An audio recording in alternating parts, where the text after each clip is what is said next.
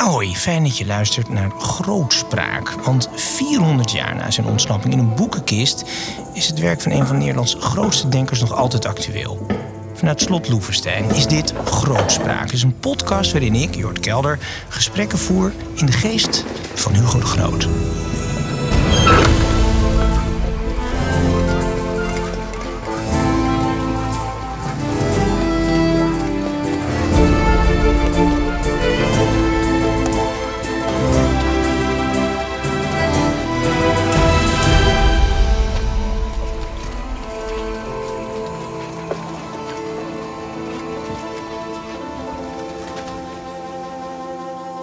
En dan is het thema van deze podcast ballingschap. En dan beginnen we natuurlijk bij het ballingschap van Hugo de Groot. We gaan er straks over praten met twee, ja, je zou kunnen zeggen, een vorm van ballingen. Sana Valjulina, zeg ik het goed. Schrijver, eh, geboren in toen nog de Sovjet-Unie. En Afshin Elian, eh, bekende hoogleraar natuurlijk van de encyclopedie eh, van de rechtswetenschap aan de Universiteit van Leiden. En vaak te zien op televisie. Geboren te Iran, misschien te Perzië, kan ik wel zeggen. En toen eh, Ja, deze kant uitgekomen. Welk jaar eigenlijk, Afshin? Eh, sinds 1989 ben ik in Nederland. Dus je hebt tien jaar dat terreurregime van Khomeini eh nou, niet helemaal achter elkaar. Eh, vanaf 83 was ik in eigen regio, zoals het heet, Ja? voor vluchtelingen, politieke vluchtelingen. Maar goed, dan ben je heel dicht bij natuurlijk terreur van je eigen regime. Als je in Pakistan bent Ja. of in Afghanistan, dan ben je bij omringende landen.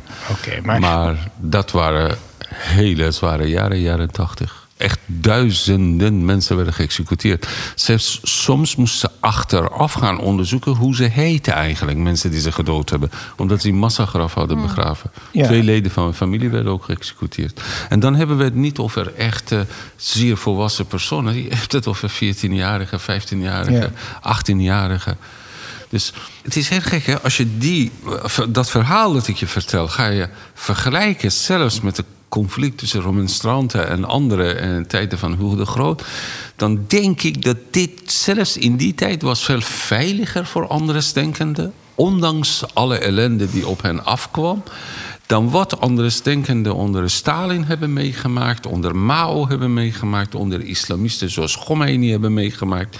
Dit, dit is een soort industriële, machinale uitroeiing van tegenstanders. maar dan praten we dus over het Iran van de vroege jaren tachtig. Eh, ik kom daar zo op terug bij jou. En dan gaan we jouw hele ballingenverhaal en wat dat betekent om balling te zijn. Ehm, eerst even Henk Nelle, de grote, inmiddels natuurlijk in deze podcast beroemd geworden biograaf van Hugo de Groot. Hij heeft zijn leven toch wel een beetje gewijd aan grootjes.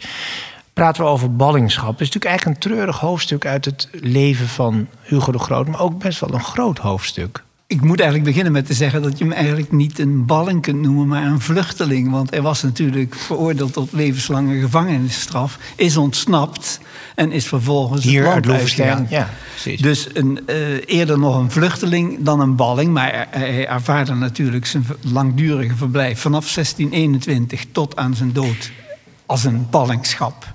Eerst doorgebracht in Parijs. Dus toen- 24, 25, een kwart eeuw in ballingschap. Ja. Wat voor een leven in de 17e eeuw een heel groot stuk was. Ja. En daar moet ik eigenlijk aan toevoegen dat het zo interessant is dat die ballingschap geweldig gedocumenteerd is.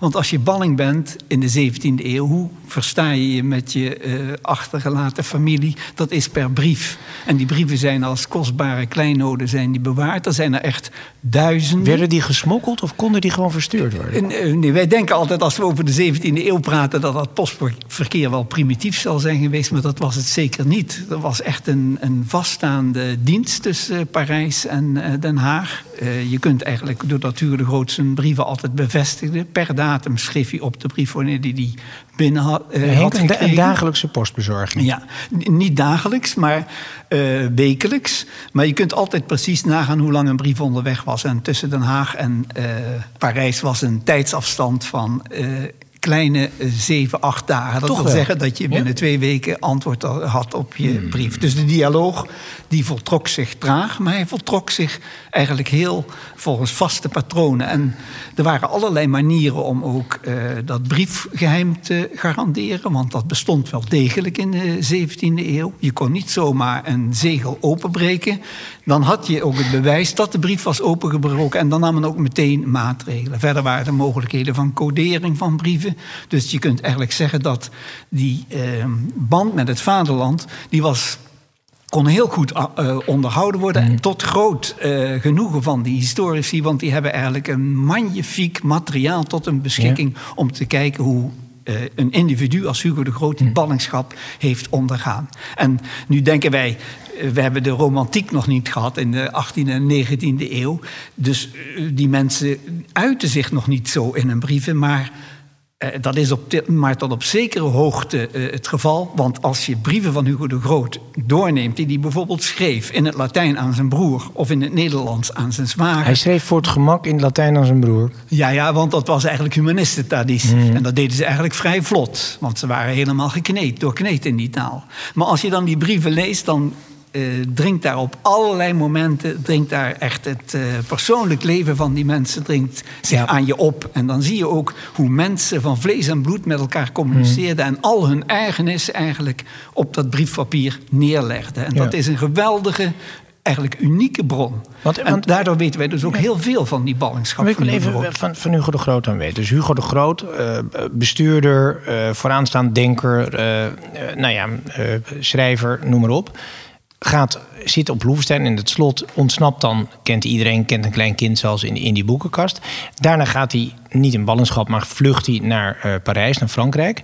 En later in uh, Zweden als diplomaat geworden. Is de man de rest van zijn leven gefrustreerd geweest en heeft hij eigenlijk altijd op de drempel van een terugkeer gestaan? Ja, hij heeft altijd verlangd naar een uh, terugkeer. Zelfs op het moment dat hij, dat is in 1635, dan krijgt hij een geweldige bevordering. Dan wordt hij ambassadeur van Zweden tegen een gigantisch hoog salaris. En is eigenlijk, dat is een zekere genoegdoening voor hem. Maar zelfs na die tijd zie je in die brieven toch weer de frustratie uh, opkomen. Want hij voelt zich veroordeeld en hij zegt telkens weer dat is onterecht gebeurd volgens het. Uh, toenmalige hmm. juridische systeem was het een aantasting van het recht. En daar is hij eigenlijk eh, is dat een zwakheid of is dat alleen maar menselijkheid? Daar is hij eigenlijk nooit overheen gestapt. Hij heeft altijd die uh, ergernis behouden. En uh, wanneer hij op het laatst van zijn leven teruggaat naar Zweden om zijn ontslag in te dienen. Dan reist hij over de republiek naar uh, het noorden toe. En dan uh, ziet hij voor het laatste keer uh, zijn land terug. En dan zie je ook weer dat hij dat ervaart als, ja, als een, een een confrontatie met het verleden. Hij kan maar, maar even, je moet even, hij reist nog wel door de Republiek. Ja, want hij was, hij was diplomaat. Dus hij was gezocht, maar ze konden hem niet arresteren omdat hij... diplomatieke vrije status had. Dat, dat zien we in die brieven, dat had hij van tevoren uitgezocht. Hij had een diplomatieke status. Dus uh, het was, inmiddels was en daar hield de Republiek zich wel aan? Jazeker, want er was inmiddels op de eerste plaats een soort ontspanning opgetreden. Maar op de tweede plaats beriep hij zich echt op zijn diplomatieke onschendbaarheid. Als de Republiek, als men in Holland bijvoorbeeld hem uh, zou arresteren, zou daarmee natuurlijk de relatie met Zweden ja. op het spel komen te staan. Dus hij had ook die baan als, als diplomaat, als ambassadeur, erg nodig om überhaupt nog te kunnen leven. Ja, uh, nu is het zo dat hij hij was een regent, hij was getrouwd met Maria van Rijgersbergen. En die was eh, afkomstig uit een Zeeuwse familie die veel geld had. Eh, mm. doordat ze hadden geïnvesteerd in inpolderingen, doordat ze in de walvisvaart zaten. Mm. Dus op die manier sloeg, eh, slaagde hij er zich ook wel in, slaagde hij ook wel in om zich in leven te houden. En toen hij ambassadeur van Zweden was, kreeg hij meteen 16 bediendes in de keuken, een koets met zes paarden, tafelservies met zijn eigen persoonlijke wapen erop. En ja, was eigenlijk, zou je zeggen, uh, uh, zijn kostje gekocht. Ja, het klinkt als een comfortabele ballingschap. Ja, maar ik kan daar nu niet op ingaan. Maar die diplomatieke baan, dat lag hem niet zo heel erg. Hij had ook tegenwind te maken, want Zweden was eigenlijk een parvenu-staat... die op allerlei manieren in de Europese politiek nederlagen onderging. En daardoor wordt ook zijn status een beetje ja. aangetast. Oké. ja. En je ziet dus dat die, uh, die diplomatieke uh, loopbaan om allerlei redenen uh, wel gekenschetst kan worden als een, een, mislukking. Hij heeft daar in ieder geval niet ja. zijn goesting behaald. Okay. Hij richtte zich al gauw weer helemaal op zijn wetenschappelijke werk. Ja, en, en wellicht ook op de Republiek, waar hij dan niet meer binnen mocht, althans niet officieel. toch even het Europa van die dagen. Wij kennen natuurlijk Europa nu ook als een, een plek waar veel vluchtelingen naartoe getrokken zijn. Er zitten er twee, in zekere zin aan tafel, twee gasten.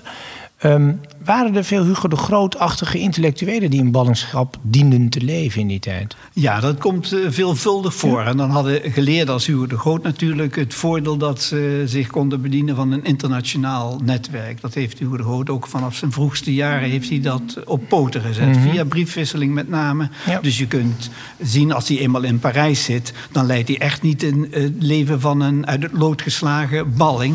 Ja. Nee, eh, hij beroept zich al meteen op zijn, eh, eh, zijn literaire activiteiten. Daarmee maakt hij naam. En hij wordt ook gezocht in geleerde kringen. Men heeft hem graag als een Ja. eh, gesprekspartner. Je ziet ook dat zijn huis, dat blijkt uit die brieven, zich ontwikkelt tot een soort ontmoetingscentrum. Waar allerlei mensen van Polen, Duitsers, Hollanders komen bij hem aan om het orakel van Delft te spreken en van zijn, eh, zich te laven aan zijn geleerdheid. Een vrijdenkersplek kan je Ook eigenlijk leuk om met, Ja, met- Sana. met een beetje te zeggen dat ze allemaal, eh, alle intellectuelen toen spraken Latijn. Dus het was natuurlijk ook een gigantisch, eh, hoe zou ik het zeggen, gemene plaats. Want hoe Ja. kan je anders met elkaar communiceren? Ja, een Pool, eh, ja, als dat die was met- dus met- eh, zekere zin een vrijheid gaf het. Want Ja. je had natuurlijk Erasmus, hè, die re- reisde toch ook gewoon door. En, Ja. eh, dat was geweldig in die tijd. Ja, die, die De taal... elite was best internationaal binnen Ja, Europa. die zeker. En culturele elite al helemaal met muzikanten en zo. Ja. Ja. En men sprak ook Latijn, dat Ja. zie je in brieven terug. Het was levende taal. Ja. Ja. Dat, dat beheerste men op die manier dat men daar eigenlijk alle nuances in kon eh, tot uitdrukking Hugo de. Groot heeft een hele grote indruk op mij gemaakt... toen ik ergens heb gelezen dat hij als op, reeds op zesjarige leeftijd... gedicht in het Latijns, Wauw. Latijns Ja. schreef. Dat Maar, was... eh, ja, Dan zeg ik meteen weer. Of dat als- is een sprookje, mooi sprookje. Nee, dat is zeker geen sprookje. Zelfs eh, gedichten in het Oud-Grieks. Maar ehm, daar moet je aan toevoegen dat dat niet uitzonderlijk was op zich. Ah. Want die kinderen er- werden Nog eigenlijk van eh, ja. jongs af aan. Latijnse school, ehm, alles. Op ja. een Latijnse school verplicht tot het Mhm. spreken van Ja. Latijn. Dus dat is eigenlijk een, een, een tweede taal die ze zich helemaal Ja, ja. eigen hebben gemaakt. Afje en wij spreken ook een gemeenschappelijke taal tegenwoordig met jou Nederlands. Ehm, jij komt eh, begin jaren tachtig via enige omzwervingen eh, uit Iran deze kant op. Eh, uiteraard gevlucht voor het eh, Ayatollah-regime. Eh, jurist geworden, hoogleraar geworden te Leiden. Ehm, gevlucht toch voor je religieuze en politieke standpunten. Voel je enigszins verwant aan Hugo de Groot? Eh, ja, op een bepaalde manier wel. Maar oh, eh, als ik zou me verwant voelen, dan is het meer met eh, Boris Pasternak. Dat is meer met eh Brodsky. Nou, Boris Pasternak is, heeft natuurlijk nooit geëmigreerd. Hij is helaas... Nee, maar- Help hij- even Boris Ja. Pasternak. Ja? Lotgenoten. Dr. Zhivago. Ja, Ja. Dr. Zhivago. Daar gaat het mee om. Ja. Eh, dat wil zeggen, meer met de moderne tijd. Wat bijvoorbeeld nu werd verteld over Hugo de Groot. Ja, weet je, het is allemaal een hele beschaafde continent. Ze zitten nog een keer in Parijs te praten. Jo, tegenwoordig worden mensen uit Iran of andere landen... toen Saddam Hussein regeerde uit Irak... werden gewoon in andere landen geëxecuteerd. Je hebt eigenlijk de goede oude tijd in de 17e Dit eeuw. was eigenlijk toen we nog een normaal hele goede oude tijd geweest. Ik bedoel, Nou, zijn, zijn, zijn compaan eh, van Oldenbarneveld is niet helemaal Ja. niet aan zijn einde gekomen. hè? die, die, die niet. Nee, Nee. Dat, dat was heel triest. Dat was best ouderwets wat ze daar deden. Dat was heel Maar ouderwets. als ik, als ik daarop mag inhaken, over dat vooruitgangsidee. eh, Heel typisch voor Hugo de Groot is dat in zijn tijd één ding in de Republiek zeer gerespecteerd was, dat was gewetensvrijheid. Je mocht iemand niet op zo'n manier, of het nou een, een, een Calvinist was, een remonstrant of een katholiek, je mocht hem nooit zo in gewetensnood brengen dat hij tegen zijn geweten dingen Ja. eh, deed. En- En, en- dat, dat heeft men altijd staande gehouden, in alle lagen van de Al- Als bevolking. wij het nu hebben over, over de situatie jaren 80 of zo, uiteindelijk is de strijd juist voorafgaande aan wat eh Hugo de Groot deed, namelijk echt een godsdienstoorlog gaande is. eh, tussen ideologieën, zeg, zeg maar, wat Europa heeft ook meegemaakt, om precies tot dat beginsel van gewetensvrijheid te komen. En hoe de Groot is eigenlijk daarna voor het behoud en interpretatie van die gewetensvrijheid en conflicten die daarna voortkomen. Terwijl als je kijkt naar de meeste plekken op aarde, die juist moeten die strijd voeren die met Luther begon eigenlijk. Hè, ik wil zelfstandig nadenken en hoef niet voor mij eh, Rome denk, eh, dingen bedenken. Maar toch even, even concreter meer naar Hugo de Groot en naar jouw leven. Ehm, als je nou kijkt naar Hugo de Groot ontvlucht eigenlijk door een godsdienstig en ook een machtsconflict, natuurlijk op Ja. de achtergrond, hè, de rekkelijke en de precieze. De republiek moet dan in ballingschap gaan leven. Jij komt eigenlijk uit een cultuur, de Perzische cultuur, met een duizenden jaren oude traditie. Ehm, ik geloof zelfs wel ouder dan de Joodse cultuur bijna. Hoeveel duizenden jaren gaan we terug? Ja, min of meer eigenlijk van, van dezelfde tijd zijn ze echt, echt een paar duizend jaar voor en dan Christus. ineens Ja. stopt eigenlijk. Nou, ik zou denken, kan ik niet voor, de- voor heel Iran zeggen natuurlijk. Maar jij vlucht eigenlijk voor de zeer precieze die daar de macht hebben gegrepen. Ehm, en dat is ook niet echt open gegaan meer sindsdien. Nee, kijk, eh, zelfs, zelfs als je vergelijkt... eh bijvoorbeeld het khilafat van Abbaside of Umayyade... eh, waren, waren eigenlijk uiteindelijk zachter voor geleerden... voor jonge mensen die moesten zich ontwikkelen. Daarom die vergelijking met de Stalin-periode. Ik vind studie die ik gemaakt heb van terrorisme viel allemaal mee in vergelijking met Welk wat? Lenin en Stalin heeft gebracht. Ja? Dus je ziet dat die ayatollahs eigenlijk brengen iets wat in de moderne tijd helaas is gebruikelijk geworden, wat men noemt totalitarisme, echt Ja, ja. staatsterreur. Dan is het niet meer gericht om jou even te zeggen, je moet je mond houden of in je kasteel zitten boeken schrijven, maar niet meer je bemoeien met de zaken. Mhm. Maar gaat dat- nee, nu gaat wordt dat- gezegd, je moet een andere mens worden. Je moet bekennen en bekeren. En daarna ook de kans bestaat dat ze gaan je doden, omdat ze vinden, je hebt bekend, heel goed. Ja. Hele volk hebben we op televisie gezien, maar we moeten je doden. Maar we- eerst toch even in Iran. Is dat nou... eh, Kijk, in, in de republiek eh, van de Groot kan je zeggen... het was godsdienstig conflict oppervlakkig beschouwd. Ja. Maar daarachter lag natuurlijk ook een machtsconflict... met de Oranjes en, Ja. de, en de regenten, kooplieden... die Ja. geen zin hadden in dure oorlogen. Nou, ik kan heel verhaal over houden. Is dat in Iran? Is het een pure theocratisch, zeg maar, godsdienstige eh puritanisme daar? Of is het eigenlijk ook gewoon een kaste die aan de macht wil blijven... en die de olieinkomsten met zijn vriendjes verdeelt? Nee, dit is echt een ideologisch regime. Daarom ook als eh, een leider dood is, dan komt een andere met dezelfde ideologie. Natuurlijk, binnen ideologische regime is een kasten gevormd. Dat is altijd zo, een eigen elite. Eh, Al die mensen die tegen een elite zijn, vormen een eigen elite uiteindelijk. Dus zij hebben ook een eigen elite en kasten gevormd. Maar dit is wel diep en door verbonden door met de ideologie. Daarom hebben ze een aparte leger. aan de Koran.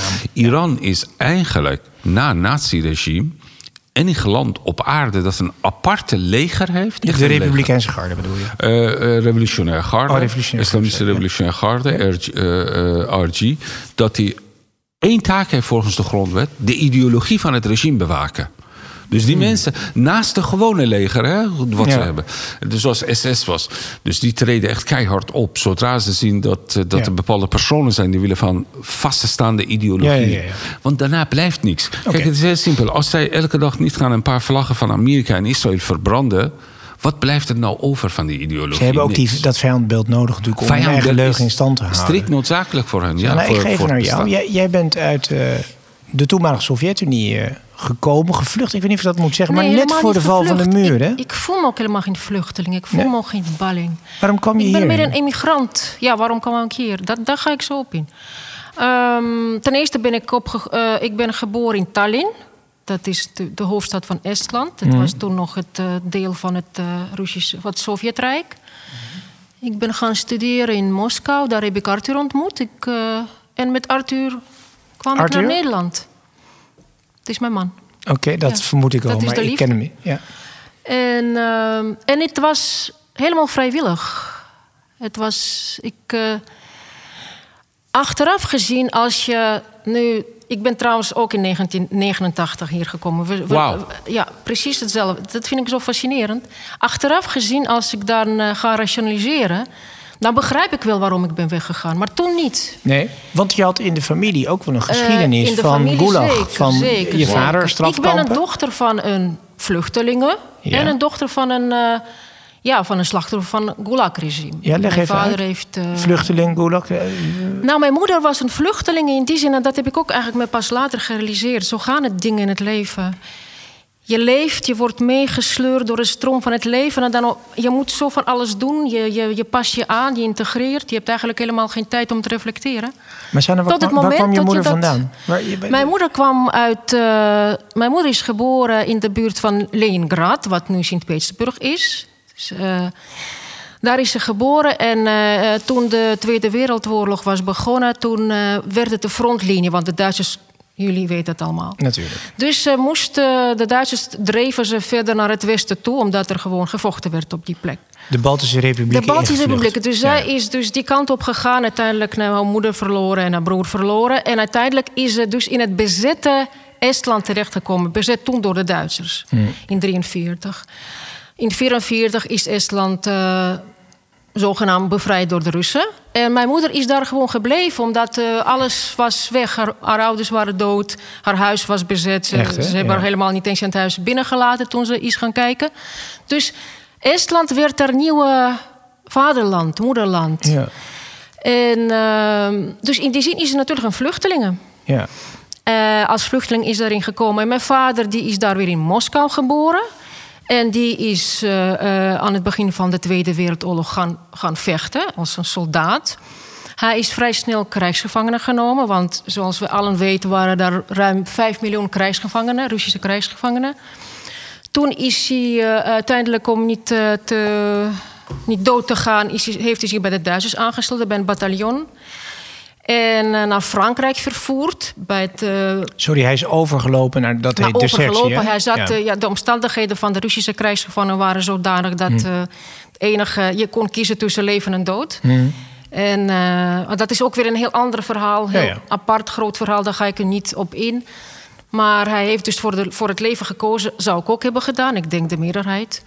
En eh, toen is hij door, door de Duitsers is hij naar, naar Frankrijk gestuurd. Naar, en was bezig met het bouwen van de Atlantische Wal daar in Normandië. En Bretagne, Normandië heeft hij dus die hele D-Day meegemaakt.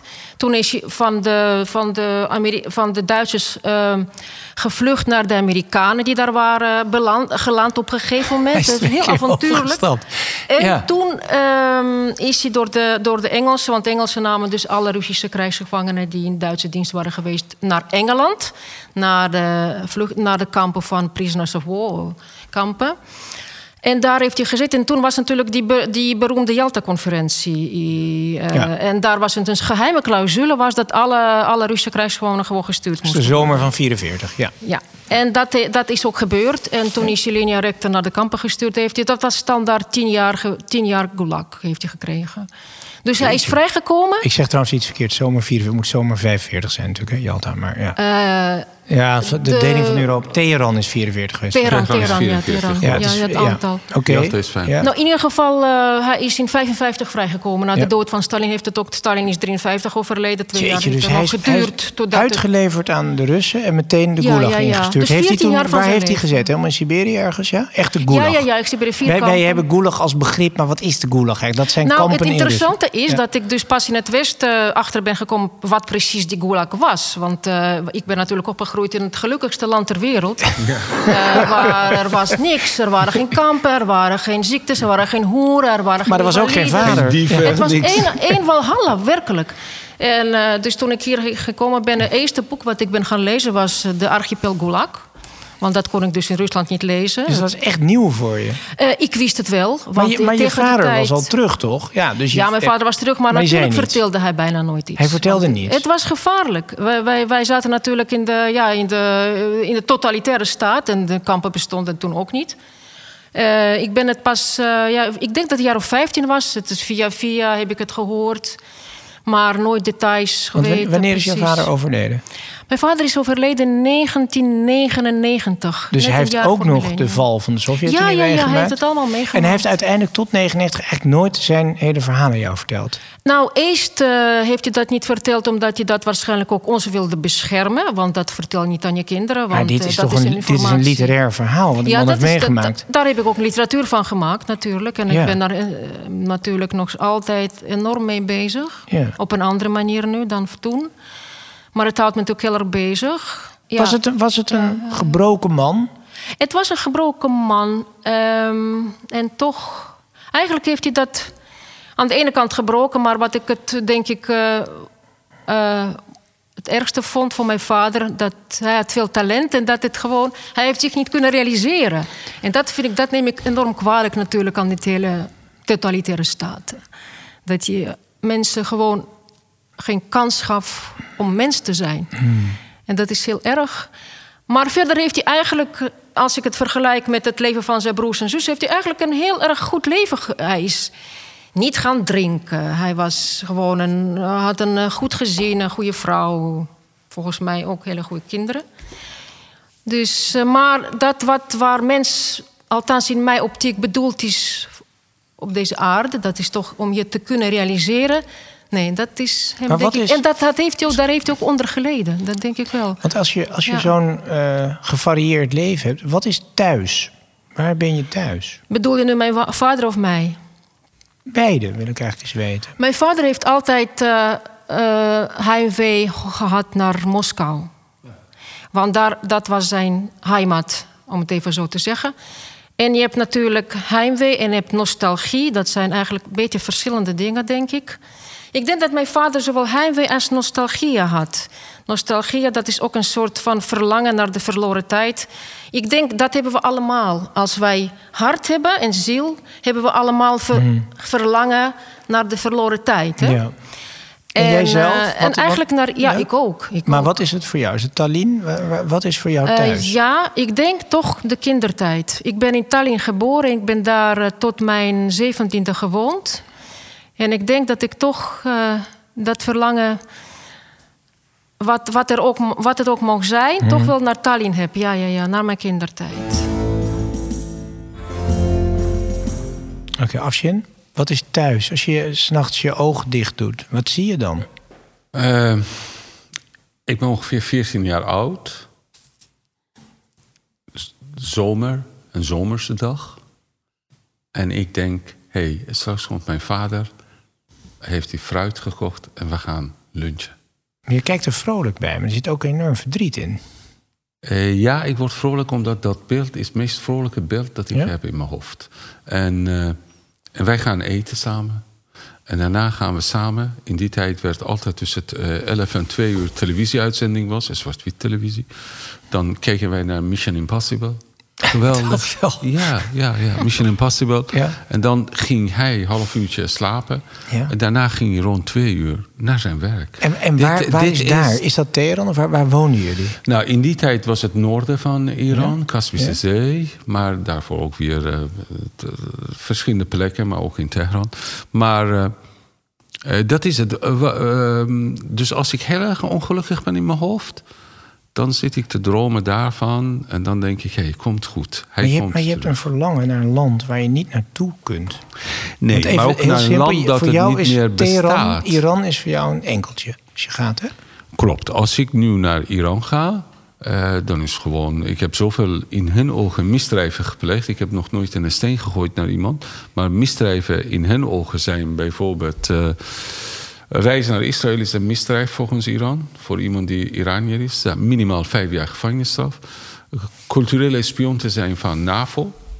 Is een, eh, wat dat precies is, maakt niet zoveel uit. Zij vullen het in. Wij, wij zijn allemaal culturele spionnen van NAVO.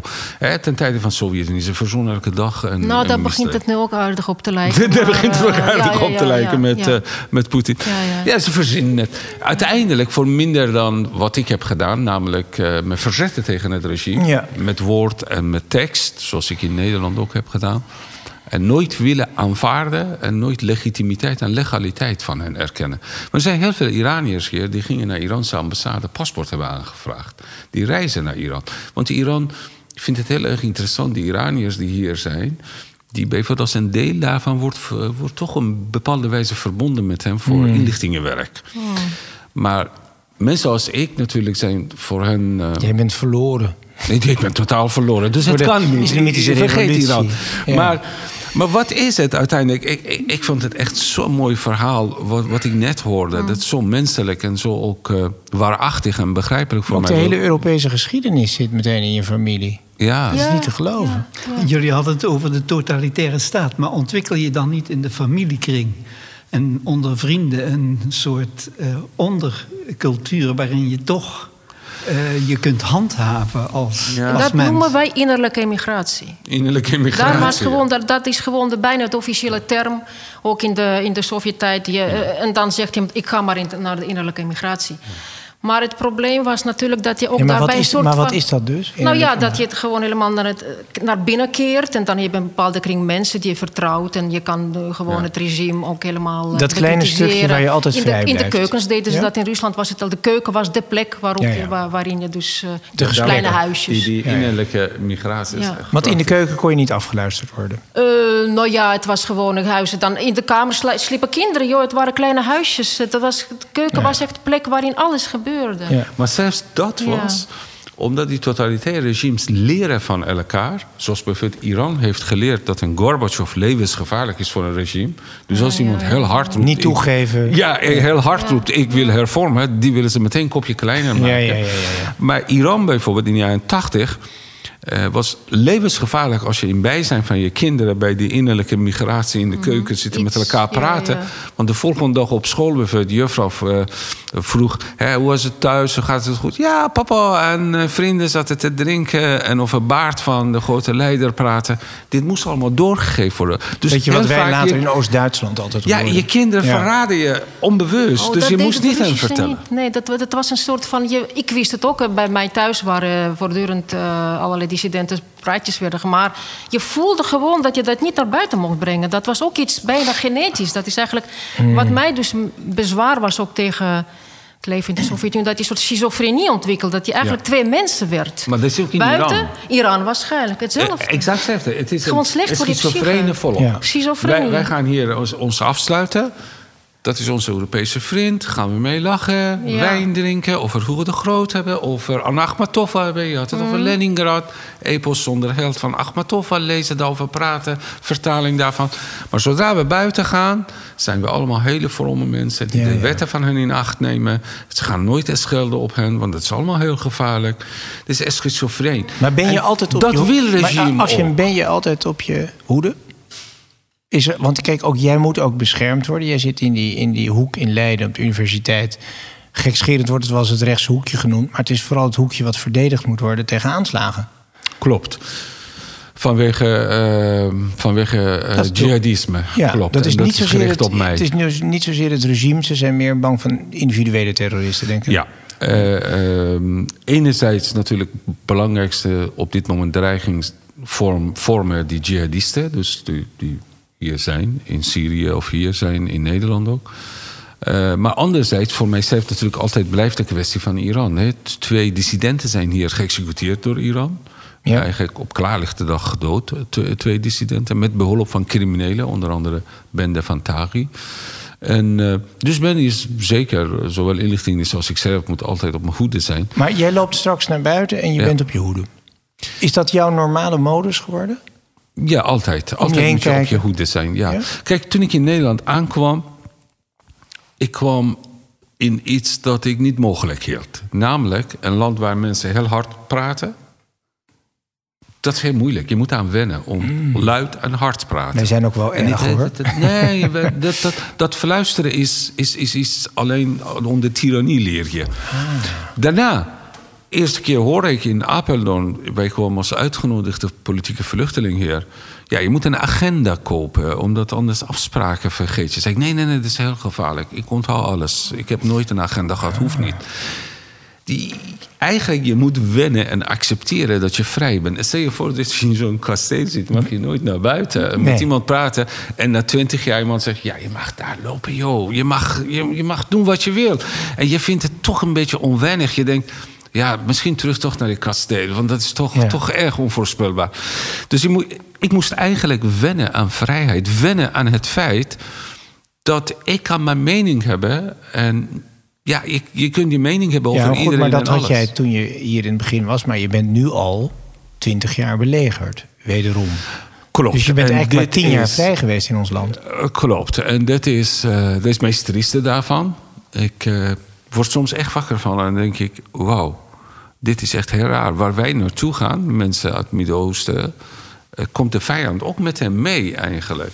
Ja. Ik bedoel, eh, als een dissident als, als Sovjet-Unie in Amerika was, was klaar. Hè? Brodsky als in Amerika was klaar. Dan kan ik gewoon gedichten schrijven en dan kan ik in Amerika blijven.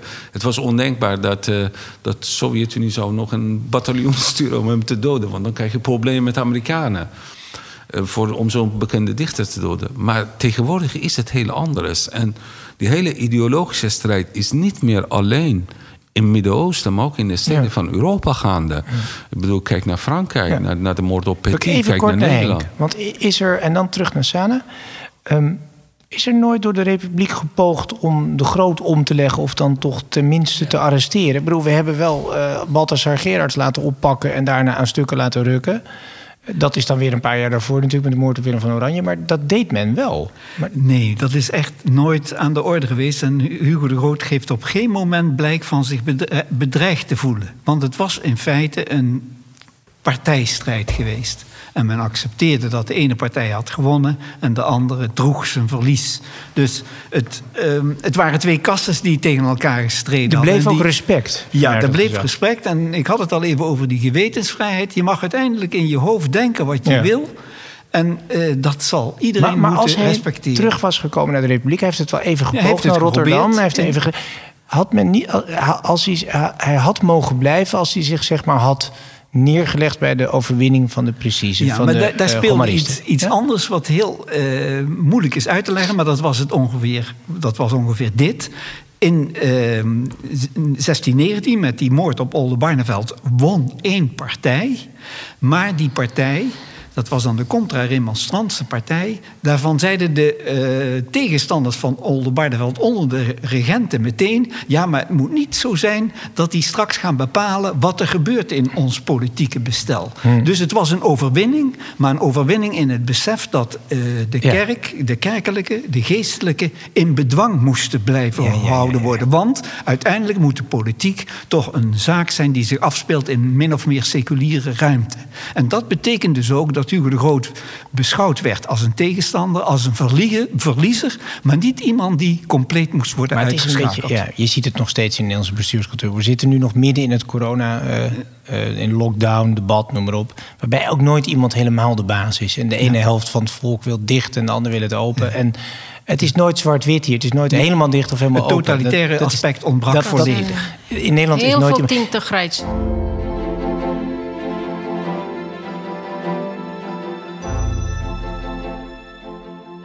Sana, mag ik aan jou vragen? De, de, Afshin kan niet meer terug naar Iran, naar zijn vaderland. Het land waarvan die, waarover hij droomt als hij zijn ogen sluit.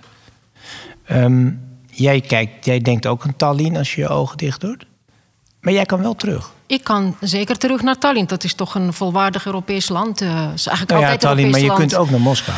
Ik kan naar Moskou. Uh, ik ben ook vorig jaar ook geweest. Maar uh, um, ja, ik kan er naartoe. En, Tot nu toe, dat? maar kijk, de ontwikkelingen nu zijn ook wel uh, in een soort van versnelling gekomen. Ik weet niet of jullie dat een beetje hebben gevolgd met de arrest, uh, arrestatie van Navalny. En ja. dat een soort hysterie die ontstaan is en ook repressies en terreur. Maar ben, maar ben jij een dissident? Uh, nee, dat ben ik niet, maar dat kan ik worden. Want, uh, maar uit je, werk, uit je werk kan Poetin niet speuren waar nou, hij last van heeft. Kijk, uh, ik heb een aantal jaren geleden is mijn, een van mijn boeken in het Russisch uitgekomen in Rusland. Hè, in Rusland. En een van de dingen die ik daarop. De, uh, een van de novelles in dat boek, dat was gebaseerd op een verhaal van uh, Sergei Magnitsky. Ik weet niet of jullie dat kennen. Ja, natuurlijk. Dat is een gigantische uh, belastingfraude gepleegd ja. door de Russische ambtenaren. Ik heb dat verhaal gebruikt voor een. Ik heb het gefictionaliseerd. En Waarin een moord ook is gepleegd, advocaat... Moord, nou ja, hij is waarschijnlijk ja? vermoord ergens. Of zo ja. in elkaar gemapt dat hij gewoon on, daaronder is bezweken... Mm. onder zijn mm. uh, verwondingen. Uh, ik heb dat geschreven en toen uh, was een presentatie gepland in, in, in Rusland. En uh, het was een, echt een hele gerenommeerde uitgeverij. En geen enkel probleem. Ik moest wel een paar dingen veranderen. Dat was niet inhoudelijk was wel frappant, moet ik je zeggen.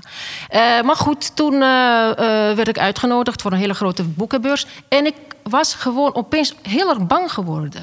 Heel erg bang. Ik was heel bang geworden om, gewoon om daar dat er iets met mij zou gebeuren. Iets wat je daarvoor nooit gevoeld hebt nee, als je nee, terug ging nee, naar nee, nee, Rusland. Maar ik heb toch iets gedaan. Het was gewoon, ja, dat, uh, Magnitsky is gewoon de volksvijand, uh, ja. helemaal nu. Eh, en ik was, ik, ik was gegaan, maar ik wilde niet in een hotel logeren. Het was een soort van bij, bijna paranoia. En ik, ik, ik, vond het beschamend aan de ene kant. Aan de andere kant dacht ik, god, is het een KGB-staat, hè? Want Poetin is KGB'er en we kennen allemaal KGB-methodes. Uh, maar goed, het is allemaal heel goed gegaan. Uh, het was een goede presentatie, het boek is uitgekomen, la la la. Maar nu bijvoorbeeld uh, hebben de Russen weer eens bedacht. Ze hebben onlangs een wet aangenomen van, en de wet heet falsificatie van de geschiedenis.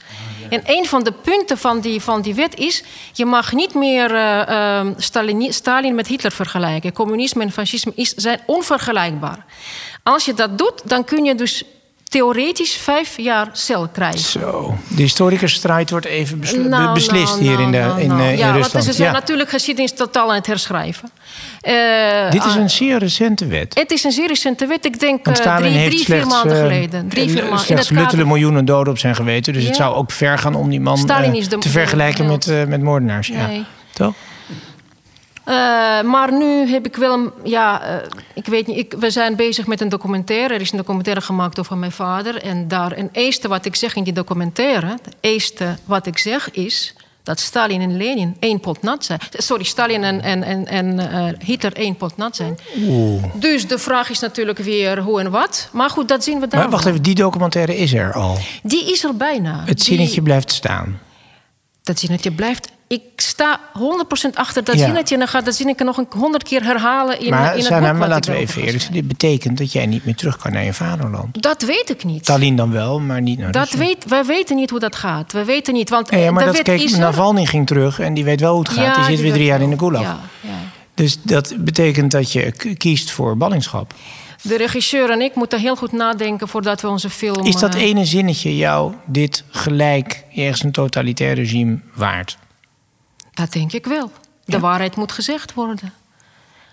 Ik vind dat moedig, want het- daarmee doe je ook afstand van iets. Het, het is niet eens dat ik dat moedig vind. Voor mij dat absoluut vanzelfsprekend. Het kan niet anders. Dat is gewoon iets Ja, wat... Maar, eh, maar als je nu weet hier op papier... of ik verzacht het, ik monteer het er een beetje uit... want het is ook een beetje een onzindiscussie... wie is er erger, Stalin of Hitler? Ze waren allebei wel erg. Ehm, ik haal hem eruit en ik kan... mm, ik weet niet of je kinderen hebt... maar mijn kinderen dat land nog eens een keer laten zien. Ja. Hè? Dus je houdt een zekere mate van vrijheid. Of je zegt, ik ben principieel, ik ga dit op de spits drijven. Kijk, Afshin is al te ver afgezakt. Die is echt niet te redden. maar jij kan nog. Je kan Ik- nog terug. nee, Vandaag in ja, Loevestein nee. kan je Nee, kiezen voor ik- geen ballingschap. Ik beschouw me als de verloren dochter voor het land. Oké, Ik kan altijd nog naar Tallinn terug. dat kan ook Ja. zeker. Ja. Ja, ja. Nou, verloren dochter. Ik zou zeggen, jij treedt in de voetsporen van Václav Havel. Ja, Poging ja, ja. in waarheid Nou, te kijk, leven. kijk. Want dat is het Ja. belangrijkste wapen dat we hebben tegen een totalitair regime. Blijven de waarheid vertellen. Ja. En die waarheid is belangrijk, want die regimes zijn allemaal gebaseerd op georganiseerde leugens. Dat is het uiteindelijk. En eh, nee, dat is. eh, Maar toch- Je blijft dus juist die dochter van Rusland. Maar dat, en da- daarom wil ik ook pogen om positief te eindigen. Ehm, denk je niet, ook als je inslaapt... Ja. er komt een moment dat ik weer naar het Perzië van toen kan. Zo, Totalitaire regimes hebben meestal niet het eeuwige leven. Nee, dat klopt. Eh, twee jaar, eh, volgens mij twee jaar of zo is nadat ik in, eh, in de regio zeg maar gevlucht was. eh, dus in de buurlanden van eh, Iran, Pakistan, Afghanistan. was een oude man, een journalist, een Iraanse journalist, Namwar. Hij was toen volgens mij eh 82 jaar oud. En we wandelden buiten met hem. En ik vroeg aan hem... wanneer denkt u dat we terug kunnen gaan naar Iran? Want het is heel interessant. Hij heeft iets van 40 jaar in ballingschap geleefd ten tijde van Shah. dus heeft hij gevangenschap meegemaakt. Ook Hij ten heeft tijde eerst Shah en toen Ayatollahs. en, eh, en toen zei hij, ja, over een paar jaar denk ik. En was een mevrouw, die heeft een hele mooie vraag gezet. Zij toen vroeg aan, aan hem, wat dacht u 40 jaar geleden daarover? Ook dacht ik over een paar Ja. jaar. En toen zei hij, waarom denkt u zo? Zei, wij zijn verplicht om te hopen. Ja. Als wij niet gaan hopen, als wij ons. Wij hebben één geloof, hoop. Als we dat opgeven, dan kun je net zo goed laten executeren. Wat maakt het allemaal uit? Nee, we hebben plicht hoop geholpen. is- hoop dus is- ik ja? denk, ja, hoe gaat Men zegt ook wel eens hoop is uitgestelde teleurstelling. Nee, ik denk dat dit, de- eh, deze type hoop is eh, niet uitgestelde teleurstelling. Het is een soort, ehm, een soort vastberadenheid in een, in een vorm van geloof eigenlijk. Je kunt Ja. humanisme Het noemen. houdt je ook op de been. Ja, het is een soort geloof. Want kijk, als je tegenover zo'n beest staat, als een regime, zo'n machine Ja. die je kan verpletteren. Ja, je kunt alleen tegenover zo'n beest staan als je zelf ook gelovig wordt. Maar niet in, in een Koran of Bijbel, maar geloof in een aantal principes.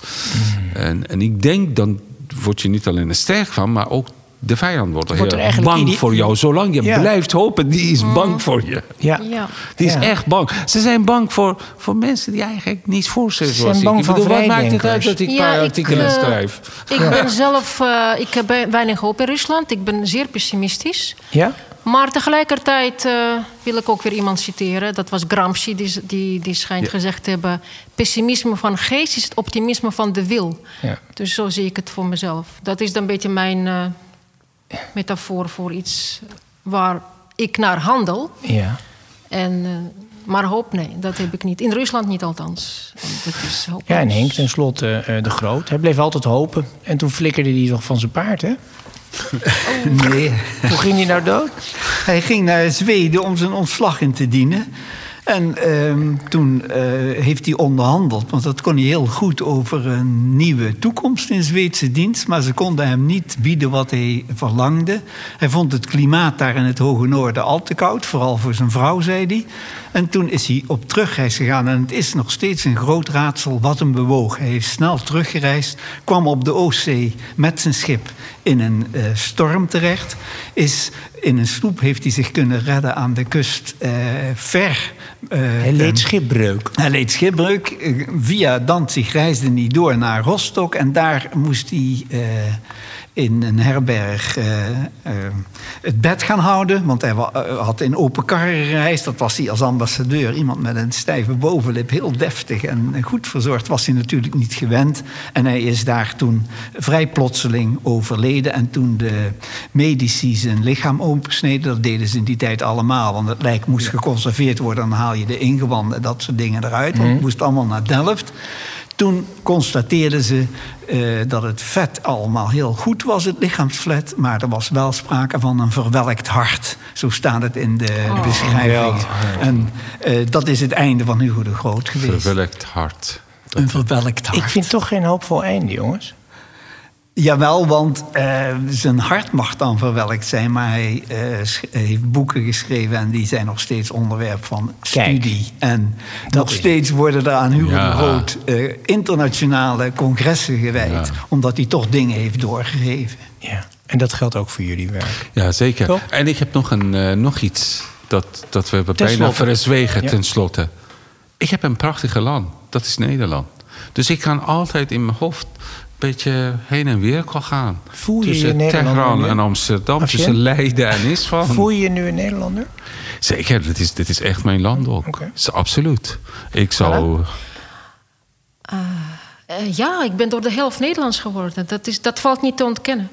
En is dan niet het belangrijkste voor jullie de taal?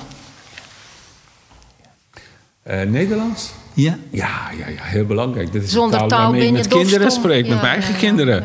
Dat, is, dat is de taal waarin ik filosofie heb geleerd. Een onrechtmatige daad, ik heb geen idee wat dat betekent in het Persisch. Hoe je moet dat zeggen. Het maakt ook, als ik goed begrepen heb, ook niet zoveel uit. nee, maakt inderdaad iets meestal zijnens de overheid. 1401 vroeger, toen ik nog rechten deed. Ja. Ehm, jongens, eh, da- dank jullie wel. Eh, Sana Valiolina, schrijver, geboren in de voormalige Sovjet-Unie. Eh, nou nee, eigenlijk gewoon in Tallinn. Nee, nee, nee, ik ben In de hier. Baltische Republieken toch? En uh, Afshin Elian, uh, hoogleraar encyclopedie van de rechtswetenschap uh, te Leiden, geboren in Iran. Um, ja, en natuurlijk Henk Nelle. Maar toch een goed slotwoord. Treurigheid aan het leven, maar het leven zet zich voort in woorden en in boeken. Ik dank jullie. En dan zeg ik heel plechtig dank voor het luisteren. Want dit was Grootspraak, een podcast van de Stichting Vrienden van Slot Loevestein. Mede mogelijk gemaakt door Lean Lawyers. Jawel, advocatuur in de geest van Grootjes. Redactie was van Casper de Gelder en Pieter Willemsen. De productie en de montage komen van Frederik Middelhoff van Podcast Guru. De muziek is van Toon Vieira. Naar een idee van Frank van Hoorn en met dank aan de voorzitter Stefan Bergman van de Stichting Vrienden van Slot Loevestein. Wil je meer weten over Hugo de Groot? Dan kun je abonneren op de podcast. Of je kijkt even op hugodegroot.nl slash grootspraak. Wij zeggen dank en leven de vrijheid.